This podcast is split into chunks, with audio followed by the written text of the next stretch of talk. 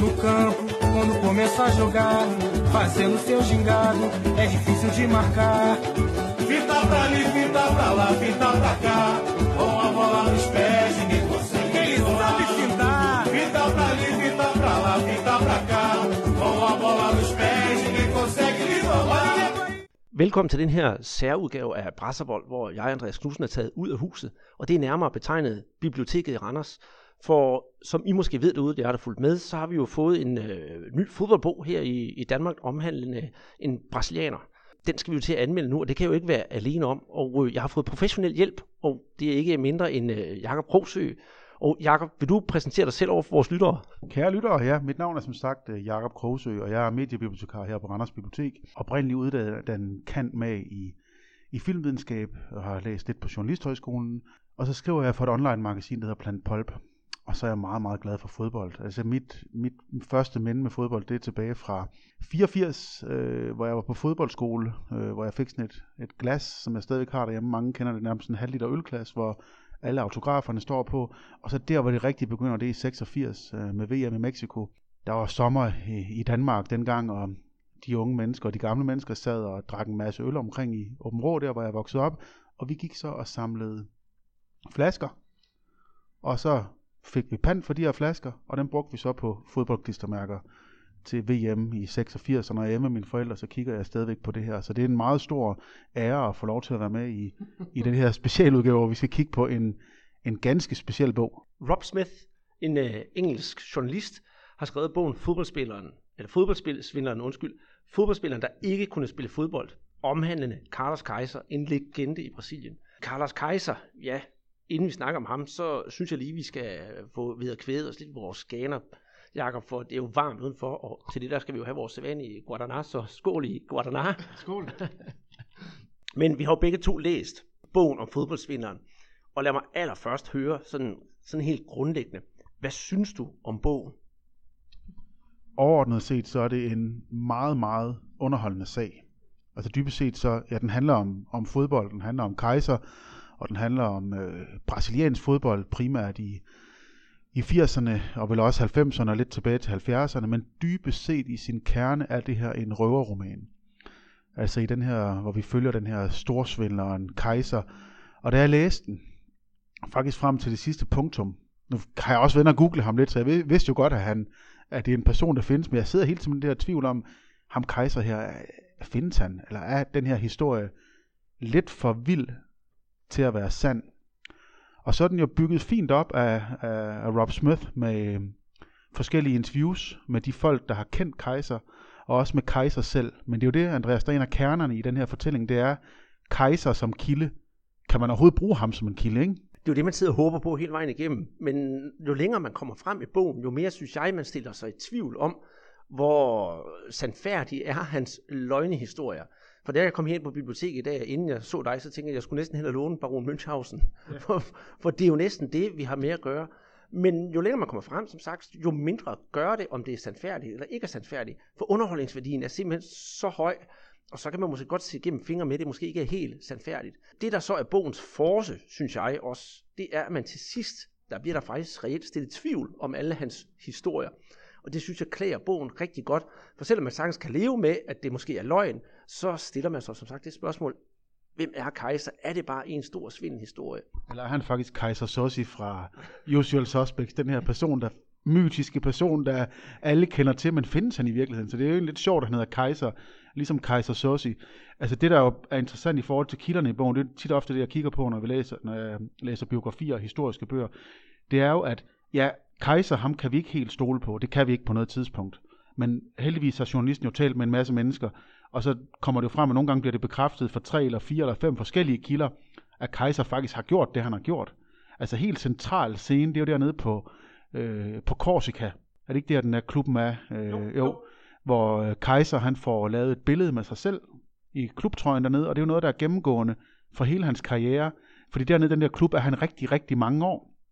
Men så bliver der slået sidst bliver der så slået tvivl om, om, om det billede overhovedet er taget på Korsika, og om Kaiser selvfølgelig overhovedet har haft den kontrakt, han påstår. For det er jo en af kernerne i bogen, og det er det, der gør det så spændende. Det der med, at den her mand, han er storsvindler, Men hvis du går ind og kigger papir og undersøger igennem, så kan du faktisk godt se, at han har jo været på kontrakt i de her store klubber i Brasilien. Det er jo ikke, det ved du meget mere om, end, end jeg gør, men det er jo ikke, det er jo ikke de små klubber, han er Nej, nej, overhovedet ikke. Og det er det, jeg sidder nemlig også og undrer mig over, når man læser bogen. Det er de store klubber i Rio, det er Flamengo, det er Botafogo, det er Fluminense. Han, han, han lægger ikke skjul på, at han har fået lov til at spille i de klubber, og han har bevæget sig med de kendteste af de kendteste. Øhm, alene tilbage i 86, hvis jeg lige læser et afsnit op for bogen her. Kaiser satte sit hår som elvis og lod deninsskjorten stå åben ned til brystet og bevægede sig målrettet afsted. Det brasilianske landshold befandt sig på Hotel Nacional. Den cylinderformede skyskraber designet af den berømte modernistiske arkitekt Oscar Niemeyer.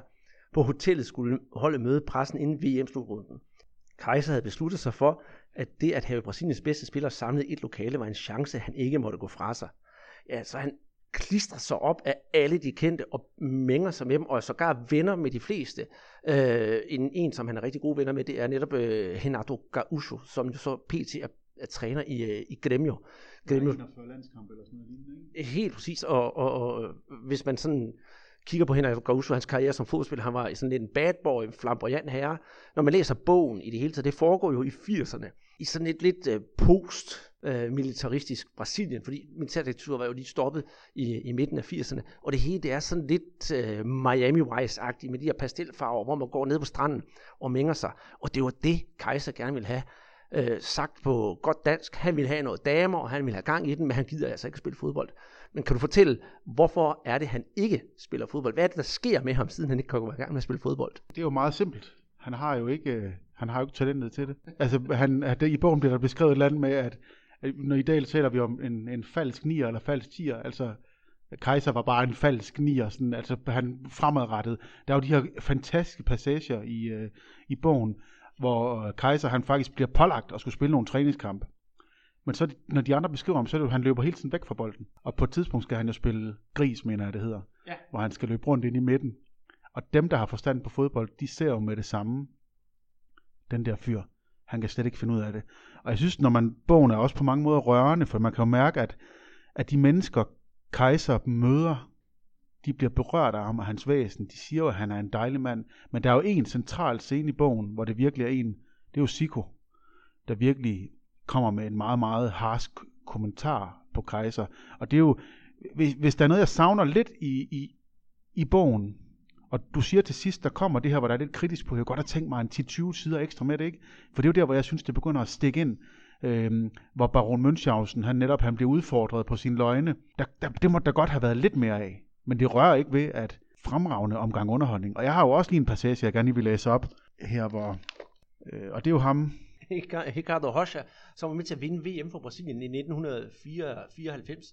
En meget, meget aktiv øh, fodboldspiller, og det er han faktisk stadigvæk i dag, hvor han bruger meget af sin tid på at hjælpe folk i det nordøstlige Brasilien, fodboldspillere, med at, med at komme videre i deres fodboldspillerliv, efter de har lagt støvlerne på hylden. Så man kan høre Andreas og tjekke på det, ikke? Men øh, han siger følgende om Kaiser. Kaiser er en af de mest ikoniske personligheder i fodbold, fodboldens verden. Han har en unik historie. Han er en fodboldspiller, der spillede uden at spille. Ingen anden har været så lang tid inden for fodbold uden at spille. Det kunne han gøre på grund af sit væsen. Alle kunne lide Kaiser. Han var fantastisk ude for banen. Han spiste godt. Han fortalte vittigheder. Han havde kun et problem. Bolden. Og det var meget centralt det her, fordi og det er også det der med, at man, man, man, kan, man kan rive sig selv lidt i håret over, hvordan dalen det her kan lade sig gøre. Jeg tror, han er professionel fodboldspiller i over 20 år, uden at spille en eneste officiel kamp.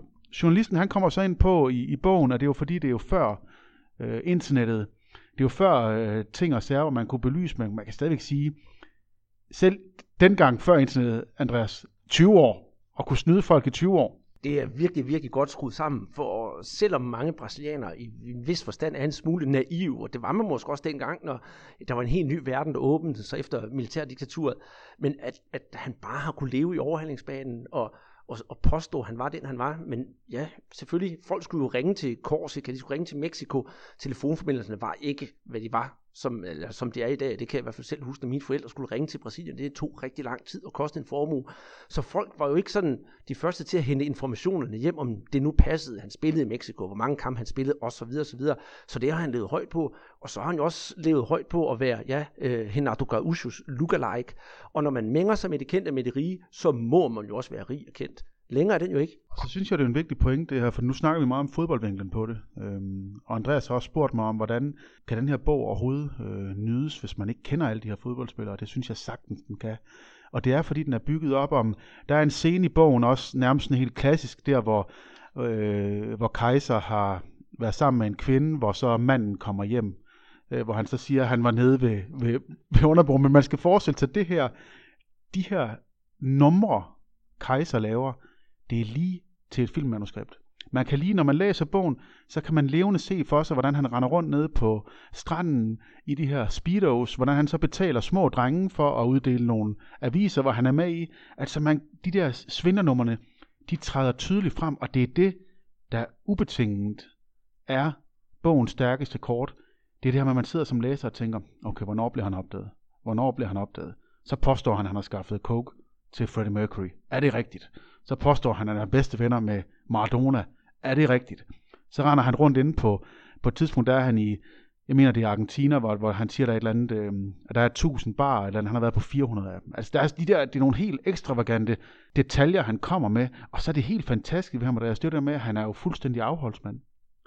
Han rører ikke, i hvert fald ifølge den her bog, så rører han jo ikke alkohol eller stoffer. Det tror jeg er hans force, for i og, med, hvis han, i og med, han ikke rører alkohol og stoffer, så kan han jo være klar over sin løgn hele tiden, og hele tiden være assur på de ting, han, øh, altså de svindelnumre, han laver. En anden en, for eksempel, som man kunne tro, der også havde gjort meget, det er jo Romario. Romario, han bliver også nævnt i bogen, men Romario, han har heller aldrig drukket og taget stoffer. Det er noget, man tror, men det har man måske også troet om, om, om Carlos Kaiser. Og jeg skal egentlig også lige så fast, at øh, ordet kejser, nu siger du Kaiser Sos fra Usual Suspects, men der er to udgaver, hvorfor han bliver kaldt øh, kejser, og den ene, det er jo vores kære tyske ven, øh, og den anden, det er jo så en brasiliansk øl. I starten af 80'erne, der kom der en lille buttet brasiliansk øl, der mener sådan i faxefadsflasken, og den hed også Kaiser, og der blev altid sagt, Kaiser er en grande cerveja, og Kaisersøllen findes faktisk stadig i Brasilien. Der, de kloge siger, at det er derfor, kejser er opkaldt efter øllen, fordi han var sådan lille og buttet, og han mener jo selv, at han er opkaldt efter ja, den store tyske fodboldspiller. Hvad tror du på? Jeg tror muligvis på en helt tredje ting, som jeg ikke, som, som, ikke, som jeg ikke nødvendigvis kan komme ind på her, men altså det der med, at det er jo ret fantastisk, det der med, for jeg mener i bogen, der bliver det også nævnt, at kejser jo faktisk er blevet kaldt kejser, før den der øl bliver lanceret. Så det står også, det fortæller jo noget om, at kejser måske øh, har heddet kejser, før øllen kom. Men det er jo igen det der med løgne på løgne, myter på myter. Hvem er den ægte kejser? Altså, hvem er kejser, når han kigger sig selv i spejlet om aftenen? Er han sådan en kejser, der er vokset op i en barndom, som vi faktisk heller ikke helt er sikre på, hvordan den har været? Fordi det der med, når du lever et liv på løgne, hvordan til sidst begynder du så selv at tro på de løgne? De myter, du skaber, for det er dybest set det, han er kejser. Han er en myteskaber. Bliver de myter så til virkelighed? Og det er jo nogle af de helt interessante ting, det er jo det der, man sidder tilbage med, når man har læst bogen, og tænker, jamen muligvis er grunden til, at det her faktisk godt kan gå så lang tid, det er faktisk fordi, at kejser selv tror så meget på det. Og når du tror så meget på noget, så bliver det til virkelighed. Det må være nogle af de ting, øh, der er på spil. Altså jeg, har ikke, jeg havde ikke hørt så meget om ham før, men hvor meget fylder han i, i sådan brasiliansk fodboldbevidsthed? Altså før bogen kom, og før det her hype, der, der kommer også en film, det kan vi lige nævne, om, øh, nævne lidt senere, øh, der er han da en, vi alle sammen, i hvert fald også der er interesseret for brasiliansk fodbold, har kendt til og har hørt om. Men personligt, der har jeg bare rystet lidt på hovedet og sagt, at han lyder mere som en, som en, som en tegning. Ja. Men, men i og med, at jeg har læst bogen, så har jeg faktisk fået enormt meget sympati for, for Kaiser, selvom han er den der svinder. Og det er det, der er sådan lidt pokkers irriterende, at, at man får sympati med, med, med den kriminelle. Han er det, øh, han bliver kaldt for en 174, tror jeg, der man siger i bogen. På godt brasiliansk, så er han det, der hedder en uh, malandro. Altså en, der sådan, jeg snyder lidt her, jeg snyder lidt der, uden at egentlig at gøre noget ondt. Og det er også det, jeg synes, der er Kejsers forsvar, for han virker jo ikke som noget ondt menneske. Præcis, han virker lidt som en Robin Hood. Fordi også det der med, det er også det, han hjælper folk. Det man skal huske på, nogle gange har han også taget skideballerne. Øh, det er der mange anekdoter, som er blevet bekræftet, hvor han har taget skide, skideballerne for nogle af de her vi vil godt sige, at der har været ret meget knald på i, i brasiliansk fodbold der i med kærlighedsmoteller, jeg ved ikke hvad, øh, hvor spillerne har, jamen, Kaiser har skaffet, kort sagt har skaffet øh, luder til spillerne, og så er de overnattet på sådan forskellige hoteller. Og der har han nogle gange gået ind og taget øh, skideballen fra konerne, fra cheferne. Så jeg tror dybest set egentlig også, at man, i, i så længe det passer ind i Kaisers verden, så er han jo faktisk en, en, en rigtig god ven. Det er der ikke nogen tvivl om. Øh, om jeg så vil stole på ham, øh, hvis mit liv afhænger af det, det, det, det, tror jeg ikke. Men der hvad med de klubber, han har spillet i? eller ikke spillet i, har han haft, øh, er der trøjer? Kan du købe trøjer med ham? Jeg har ikke set nogen, men man kan jo garanteret få lavet sin egen. Nu kan man jo få lavet tryk med, med hvad som helst. Men jeg tror, men nu kommer der filmen og bogen, og der kommer meget om, om Kaiser, så måske ikke, øh, måske en af klubberne, det kunne være Botafogo eller Fluminense, de kunne nok godt finde på at, at lancere en trøje, måske for at lave reklame for ham, og så måske lidt reklame for sig selv, med mindre at klubberne rent faktisk er så flove over at have haft ham i truppen og betale penge til ham, for det er jo det, de har, at de ikke vil kendes ved ham. Men noget jeg tænker på, jeg har jo læst bogen som sagt, og, og ved, hvordan tingene hænger sammen i Brasilien. Jeg synes også, at en af bogens øh, gode sider, det er, at den fortæller lidt om brasiliansk kultur af 1900, nu siger vi, hvis jeg nu siger 79 til 94, hvordan det hele det fungerer, netop det der med, at man går i de der super tankertrusser nede på, på Copacabana, og man viser sig frem med Fukuhila hår, og hvad du nu ellers er, det skal helst være vådt, og man skal ud på de rigtige restauranter. Og så kommer der også et, et lille afsnit om, hvordan mafiaen er sat sammen i, i, i Brasilien, som værende ikke brasilianer. Jakob, hvordan hænger det så sammen? Synes du, det giver sådan, viser det et godt indtryk af dig, af hvordan Brasilien hænger sammen? Ja, vil jeg sige på sådan lidt en glamourøs, overfladisk måde, ikke? Fordi hvis du nu ser en film som uh, City of God, mener jeg, den hedder, der foregår i, i Rio de Janeiro, så vidt jeg husker, i favelaerne, eller hvad hedder de, de der, ja. der er det lidt andet billede, man får af Brasilien, men du får jo det her billede af det Brasilien, Kaiser har levet i. Og det er jo der det vigtige. Det er også det, man siger, at 80'erne på mange måder var et kikset årti, men i brasilianernes bevidsthed, der var 80'erne the hot shit, også når de kigger tilbage på det i dag. Og du får jo lidt der med, at den har en lethed, bogen, og skildring, det er jo ikke den store samfundsskildring af Brasilien, det bliver den jo aldrig. For den har den her lette tilgang til tingene. Også det der med, hvordan øh, kejser som en anden charlatan kan sno de her gangsterbosser om sin lillefinger man kan sige, hvis det havde været lidt mere drama på drengen, så havde, der, havde Kaiser, hvis det var en spilfilm, havde nok mistet en hånd på et tidspunkt, eller et eller andet, ikke? Men du får, og jeg synes faktisk, det, det, det, det der er rigtig stærkt ved bogen, det er, at man får, man får faktisk lyst til at vide mere om, om Brasilien og Rio de Janeiro i den her tidsperiode. Og, og når man så mig knægt kan huske, jeg har ikke set Siku spille, men jeg kan huske de der navne, Siku og, og Junior, og så lidt, når vi kommer lidt længere frem, øh, Aldair og Carlos Dunga, som Dunga, han bliver også beskrevet som lidt en, øh, den, den måde, de begynder at spille fodbold på, på, på det tidspunkt, en helt anden form for fodbold. Så på den måde, så kan jeg også godt forstå, at Kaiser har kunne være sådan en vigtig karakter, for han har på en eller anden måde holdt fast i det der passionen. Uden at være fodboldspiller, har han holdt fast i den passion, som kendetegner brasiliansk fodbold. Som du også, altså nu kan man så blive diskuteret lidt om, hvad Neymar og hans faldeteknik, men for mig der repræsenterer han jo også den der lidt gammeldags form for brasiliansk fodbold, hvor det ikke er koncentreret om sådan en stærk betondefensiv. Altså, jeg kunne godt tænke mig at se Kaiser spille, for så tror jeg, han ville være deroppe, ligesom Romario, Bebeto, Edmundo, de der gamle drenge. Ikke? Så på den måde, der er bogen både en fortælling om... Øh, en, det vigtigste i bogen, det er fortælling om Kaiser. Det er der ikke nogen tvivl om. Men du får også et rigtig fint, lidt overfladisk og glamourøst tidsbillede af et Brasilien, hvor man godt kan mærke, der er mere, der er nogle lidt dystre under- og overtoner, som forfatteren med vilje ikke dykker ned i der kommer lidt til sidst her med, med Kaiser der, hvor hans, øh, da hans kone dør. Altså der begynder at komme nogle mørke sider, men langt hen ad vejen, der er fodboldsvinderen jo fortalt som en, du ved, sådan en, en feel good bog man læser perfekt på en sommerferie. Og der skal ikke være alt for mange mørke toner. Men til sidst, der åbner forfatteren stadigvæk op for, at der er nogle, nogle lidt psykologiske, specielle ting på spil. Hvis det var en svar nok på noget af det. Jamen, jeg synes, det er et rigtig dejligt svar. Også, øh, som sagt, ser jeg nok også på bogen med, med lidt andre øjne, for jeg kan genkende enormt mange ting. Nu nævner du for eksempel nogle af de der fodboldspillere, som du husker tilbage på. Som de, jeg har jo rent faktisk set nogle af dem spille junior har jeg set sidde på Maracanã og spille fodbold. Og det, det, det der lidt flamboyante Rio og flamboyante fodboldbillede, det synes jeg, det bliver, det bliver udfoldet rigtig, rigtig smukt. I Brasilien, det er det sådan set også den dag i dag, selvom brasilianernes verden er blevet større dengang, der var det hele styret af aviser og den store tv-kanal O Globo, som øh, var nærmest, ja, kunne manipulere hele Brasilien med deres tv-programmer. Og de sender jo de der, et hav af de der telenoveller, som nogle af dem har kørt herhjemme, der jo kun viser Brasilien fra den flotte og den smarte og den lækre side. Og det er jo det, Kaiser har repræsenteret. Han har repræsenteret det der, der går ned. Det er faktisk lidt miami vej som du sagde tidligere. Det er jo den der hurtige biler, pastelfarverne. Det synes jeg er meget præcis, den måde, du beskrev det på før. Ja, enormt. Altså, det, og, og, og det, det, det, solen skinner, når man læser bogen. Ja. Så, sådan, synes jeg, sådan synes jeg, det virker. Men ikke, ikke en, en god båd uden et lille malurt i bæret. For når jeg læser den igennem, så er der nogle fire billedsektioner, det kan vi godt kalde dem 64 sider med nogle, nogle fotos, Og øh, der, det er jo flotte fotos, det skal vi ikke komme udenom, men jeg synes personligt, at nogle af dem er måske sådan, ja, det er måske mere for at sætte et billede ind, for at vise et eller andet.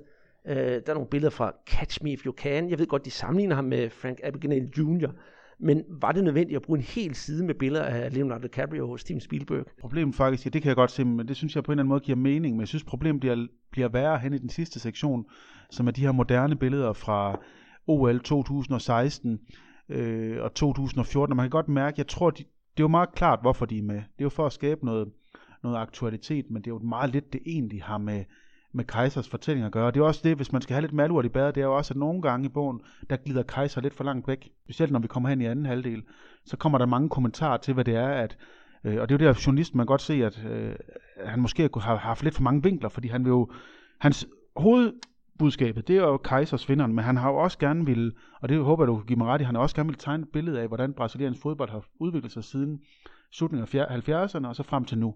Og det er jo lidt meget, at man vil også have det ind på en bog, der er, trods alt ikke er længere, og du også gerne vil have et lidt skarpt psykologisk portræt, så nok bogens, hvis man skal sige, største problem, det er måske, at den vil gabe over lidt for meget, og så alligevel så mangler jeg jo lidt til sidst med det kritiske. Men når de, nu lyder det meget kritisk, men det er jo stadigvæk en bog, hvis jeg skulle give den stjerner fra 1 til 6 stjerner, så ville den lande på fire solide stjerner for en, en, en rigtig god og underholdende oplevelse. Ikke? Øh, og det er en, der giver en lyst til, jeg glæder mig til at se filmen jeg glæder mig til at... Det kunne være fedt, hvis I kunne få Kaiser til at komme med i jeres podcast, jo. Men det vil jeg gerne være med til at opleve, eller hvad? hvad? det, det vil også være stort. Det, det, kunne jeg, det kunne jeg faktisk også rigtig godt tænke mig, hvis man, hvis man kunne gøre det. Men øh, hvem ved? Øhm, I det hele taget, jeg er enig, nu læser jeg nok knap så mange bøger som dig, Jacob, men, men, men hvis jeg skulle sige noget, fire, det, det synes jeg er rigtig godt, og jeg vil anbefale folk at, at gå ud og købe bogen. Men grunden til, at jeg også sidder her og anmelder den med dig på biblioteket, det er jo, at den findes jo faktisk i det danske biblioteksvæsen, og jeg har set, at I har bogen hernede på Randers Bibliotek. Den er udlånt, så der må være en, der sidder derude og glæder sig til at læse lidt om Kaiser. Så gå ud og ja, lån den på biblioteket, og eller ja, som sagt, gå ud og køb den. Den koster cirka 250 kroner og er udgivet på forlaget Memoris. Når vi nu snakker om Carlos Kaiser, så har du taget nogle bøger med ud over, øh, ud over den, vi nu snakker om, og jeg har også et par bøger, jeg synes, vi skal snakke om netop. Hvad er, øh, kan man sige, for at sammenligne med, med Kejserbogen, hvad skal man så læse, hvis man skulle have en, øh, en god fodboldbog, og det behøver nødvendigvis ikke at være med brasiliansk vinkel. Hvis vi nu starter med, øh, med, med en af dem, jeg har med, det er Henrik Brandau Jønssons bog, som vi tidligere har udløjet i podcasten. Den findes også på dit lokale bibliotek, og den kan også købes. Den hedder Græsset er altid grønnere i Brasilien. Og den er nemlig rigtig god til at beskrive lige præcis det, Brasiliens, eller det brasiliansk fodbold mangler i fodboldsvinderen.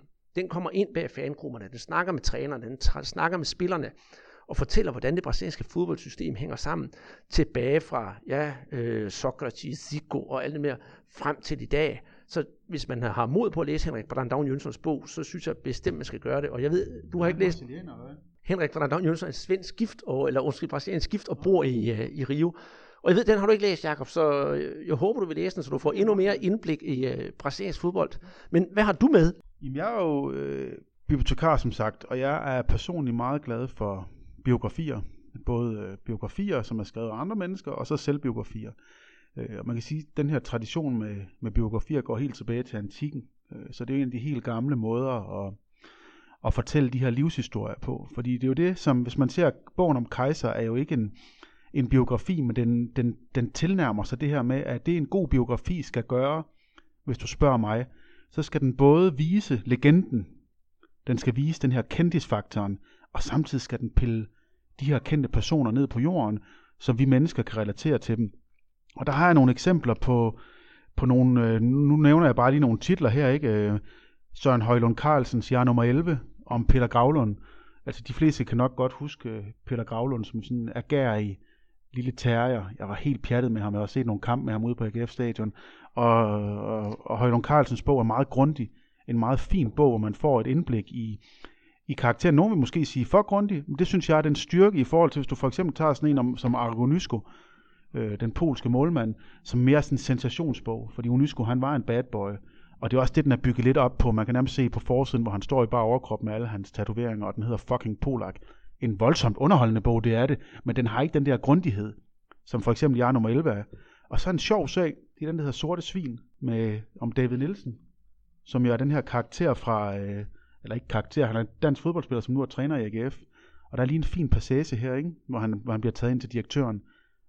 Hvad er det der, spurgte han og kiggede mig direkte ind i øjnene.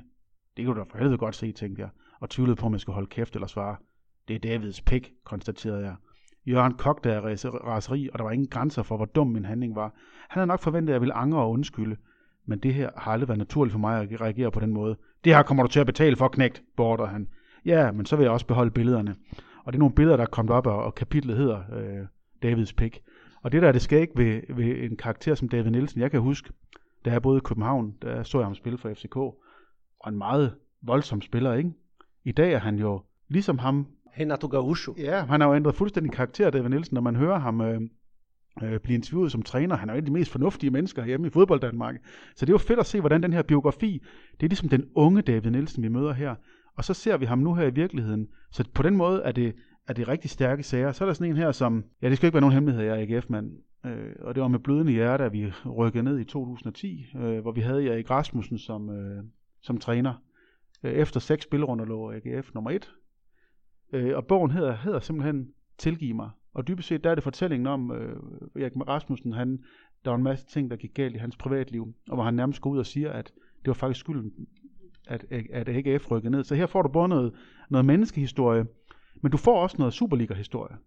Og det er det, de her, de, her, de her ting kan, og så de helt gode, og dem har, kender alle folk, og det er jo selvfølgelig om Zlatan Ibrahimovic, og nok den bedste fodboldbiografi, jeg har, har læst, det er Steve Tøftings No Regrets. Prøv bare lige at høre den her passage. Jeg går ind i spisestuen, her kan jeg se, at der ved den anden dør ligger noget på gulvet, som i første øjekast ligner kaffegrums. Jeg går tættere på og kan se, at min far ligger død ude i gangen ved døråbningen. Ved siden af ham, ligger der, ved siden af ham ligger der et jagtgevær, han plejer at gå på jagt med. Jeg går et par skridt nærmere og kigger videre ned ad gangen. Her kan jeg se, at min mor ligger på gulvet ved, ved køkkenet. Hun er også død. Og det der er det vilde ved den her historie, det er jo, at Stig Tøfting dagen efter går han ud og, og bliver pokalfighter i, i Aarhus-kamp, hvor han står for en håndtrækning af Sepp Piontek. Så Andreas, det er for mig, det er jo, det er jo sådan nogle fortællinger, øhm, der er både om nogle, nogle stærke fodboldspillere, men det er også meget menneskelige fortællinger. Lars Elstrup fra indersiden, Lars Elstrup, der jo har spillet for Anders Freja, mange kan sikkert huske ham fra EM92, hvor han blev den reddende fod mod Frankrig, mener jeg, hvor han kommer ind og scorer, når vi nærmer os overtid, så vi, så vi får det der ene point for at kunne gå videre. Øh, hvordan han øh, kommer i en sekt, øh, da han kommer hjem, der hedder Solens Hjerte. Og noget af det sidste, man hører om ham, det er jo, hvor han løber nøgen ind på stadion ude i, her i Randers. Ikke? Så det er jo de her, og det er jo der, hvor jeg også kan genkende til noget ved Kaiser. Det, her, det, er, det er jo de her, de er jo bare mennesker, ikke? Altså det er jo dybest set mennesker, øh, som går noget hårdt igennem. Så det her var nogle, nogle bud på nogle øh, bio, øh, fodboldbiografier, som jeg synes er rigtig stærk, og hvor de selvfølgelig er taget for de her lidt skyggesiderne. For der findes jo også noget om, om Martin Jørgensen, også meget velskrevet, men der er ikke meget bad boy over Martin Jørgensen, vel? Øh, det er der heller ikke over Michael Laudrup, det er også en fremragende biografi, og det er ikke, men, men jeg kan godt lide de der bøger, der stikker lidt dybt, og som blotlægger de her mennesker, hvad de var for nogen. Der er jeg fuldstændig enig, og øh, alle de bøger, du har nævnt her, det er jo selvfølgelig nogle, man kan låne på, på biblioteket, det er jo nogle, vi ude finde på, på hylderne. Og nu vil jeg så nævne en, som desværre ikke er på bibliotekerne herhjemme. Jeg tror ikke engang, man kan købe den hjemme, man skal til Amazon i England. Netop det der med man får at vide historien hvad Det er netop den der biografi om Sokrates, som udkom for, for et par år siden. Den har du også været i gang med at læse, Jacob. Som netop beskriver alle de ting, du siger, hvordan biografi skal være. Det er både det... Skal jeg nok sørge for, at øh, bliver købt hjem, så den kommer til at stå på Randers Bibliotek. Det kan jeg bare gå ind og gøre jo det, det, vil, det vil glæde mig meget, fordi det er en bog, der virkelig fortjener at komme, komme frem i Danmark. Øhm, I det hele taget, de bøger, du har nævnt, det er jo meget sjovt, fordi fodboldsvindleren, der står netop bag på bogen, fodboldsvindleren er en blanding af Stig Tøftings No Regrets, David Nielsen, Sorte Svin, og film som Catch Me If You Can og Wolf of Wall Street med et soundtrack af sol, sommer og samba-rytmer. så, det, så det rammer jo faktisk tingene rigtig perfekt. Jeg, øh, hvis jeg skulle finde nogle, nogle bøger altså så her på biblioteket, som jeg ville låne med hjem og læse, og det har jeg jo så gjort, så øh, er det også sådan lidt med fodboldromantiske øjne, at jeg vil læse Joachim Jacobsens øh, Tynd Luft, der handler om øh, det danske VM-landshold i 1986 og deres historie i øh, Mexico. De løber rundt med de der maskiner på, ikke? Ja, lige præcis. Ja, ja. Så er du øh, Frankie Boy, biografien om øh, Frank Arnesen, og så er der historien om Richard Møller Nielsen, øh, Mirakelmageren. Ja. Dem, øh, dem vil jeg i hvert fald øh, gerne anbefale. Så vidt jeg mener, så er Tynd Luft kun ude som øh, e-bog i biblioteksmæssig forstand. Det mener jeg. Når du taler om Mirakelmageren og Ricardo, så er det jo oplagt at se øh, sommeren 92, som ligger inde på, på filmstriben. Øh, og det var Danmark, mener jeg også, ligger derinde. Ikke? Fordi det er jo ligesom der går du tilbage og tager energien, og det er nu, nu er vi i Danmark, men, men husk på, i Danmark i 80'erne, det var ikke Brasilien, men vi havde jo lidt af det. Altså, der var lidt flamboyant over det landshold, der var dengang, ikke? Der var den der øh, hysteri i, i, i, altså der, man har en eller anden lidt idé om, det var sgu alt sammen var lidt sjovere og lidt mere kulørt i 80'erne. Også hvis du lige ser den, den slutrund, der afsluttede i, lige nu her for nylig, der manglede lidt, ikke? Helt præcis, og jeg har ikke lagt skjul på, jeg synes faktisk, den mest underholdende kamp i, den, i det VM, vi lige har haft, det var Brasilien-Belgien. Og jeg tror, det er, som jeg siger, man mangler, man mangler personlighederne, og det synes jeg er, er, er rigtig, rigtig synd. Der er de helt store personligheder, men man mangler også sådan lidt, uh, lidt, lidt galskab. Det har, jeg, det har jeg savnet, og det er ikke Luis Suarez galskab, men uh, hvor er Zico, hvor er Falcao, hvor er Sokrates? Ja, Michel Platini for den sags skyld, det er jo dem, vi savner. Præcis, og også som der bliver beskrevet i, i fodboldsfinderen, en af mine personlige favoritter, det er ham der, der jeg mener, han blev kaldt The Animal. Er det ikke et, mon, et, mundo. et mundo? For jeg kan huske ham, da han spillede i, jeg mener, det var Fiorentina. Og han bliver også beskrevet rigtig fornemt i, i, i den her bog. Og det der med den der galskab, på den gode måde, det skal netop ikke være nogen, der løber ud og bider Ja, det må de sgu også gerne. De må gerne lige bide hinanden en gang, men hvis det er det, der gør det.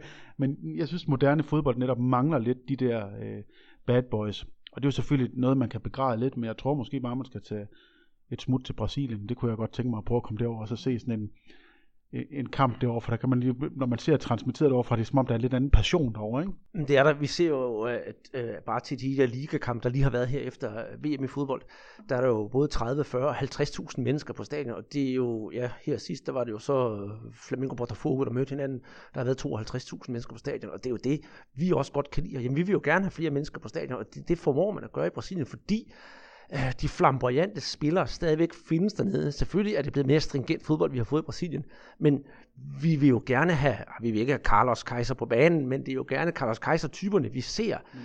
trods deres fejl. Men man skal også huske på, at Carlos Kaiser kommer, han kommer ikke ud af ingenting jo. Han kommer ind i, han, han dybest set, så tager han noget op, der sker i samfundet. Det er det, folk gerne vil have. Man skal huske på, at Carlos Kaiser for mig på en eller anden måde er et, et af de tidligste eksempler på en reality-stjerne, der er blevet kendt for ikke at kunne noget de ting, han lavede, det er også det, der bliver beskrevet i bogen. Prøv at tænk, hvis han havde været i dag, så havde han været verdens bedste fodboldagent. Altså, han har jo nogle ting, hvor han på en måde er, han griber tilbage i tiden til noget passion i, i, i, i Brasilien, og så på den anden side, så er han jo sådan en, øh, en mand, der slet ikke hører den tid til. Altså, han, han er meget fremadsynet, og det er jo det, jeg synes er noget af det interessante ved bogen. Det er jo det, er jo det der lidt komplekse billede, der bliver tegnet af, af fodboldsfinderen. Og hvis man lige må gøre den færdig, så er det også klart en bog, jeg godt kunne finde på at læse igen fordi der er, den er spækket med detaljer.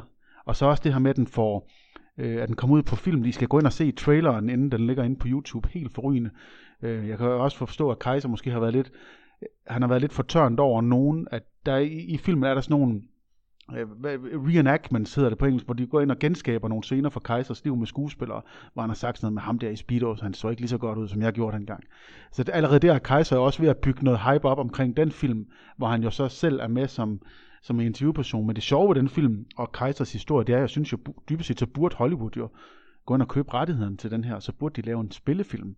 For så kunne du faktisk godt lave noget, der var lidt vildere end, end Catch Me If You Can og The Wolf of Wall Street, som jeg begge to af de her fortællinger med Leonardo DiCaprio, hvor der er nogen, der bygger noget helt voldsomt op, og så falder de ned. Den der, den der fald fra magtens tænder, eller det der med, det er jo, det, dybest set kunne det blive en fantastisk spillefilm. Det er jeg fuldstændig enig. Så skulle man måske bare finde en passende slutning, fordi ja. øh, Kaiser i dag, det, det kommer vi slet ikke ind på, hvad han laver i dag. Han, øh, han er faktisk øh, personlig træner, helst for kvinder under 30, og det giver jo sig selv, hvorfor han gerne vil træne dem, og han indrømmer jo øh, blankt, hvorfor, at det, det er jo noget, han godt kan lide, for han elsker jo kvinder. Han siger i bogen, at han, øh, ligesom Michael Douglas, er, Michael, Michael Douglas. Ja, er af, af, afhængig af, af sex, og jeg tror mere, at øh, Kaiser er, han er ikke sexafhængig, han er bare en mytoman, der, der elsker kvinder. Ja, ja.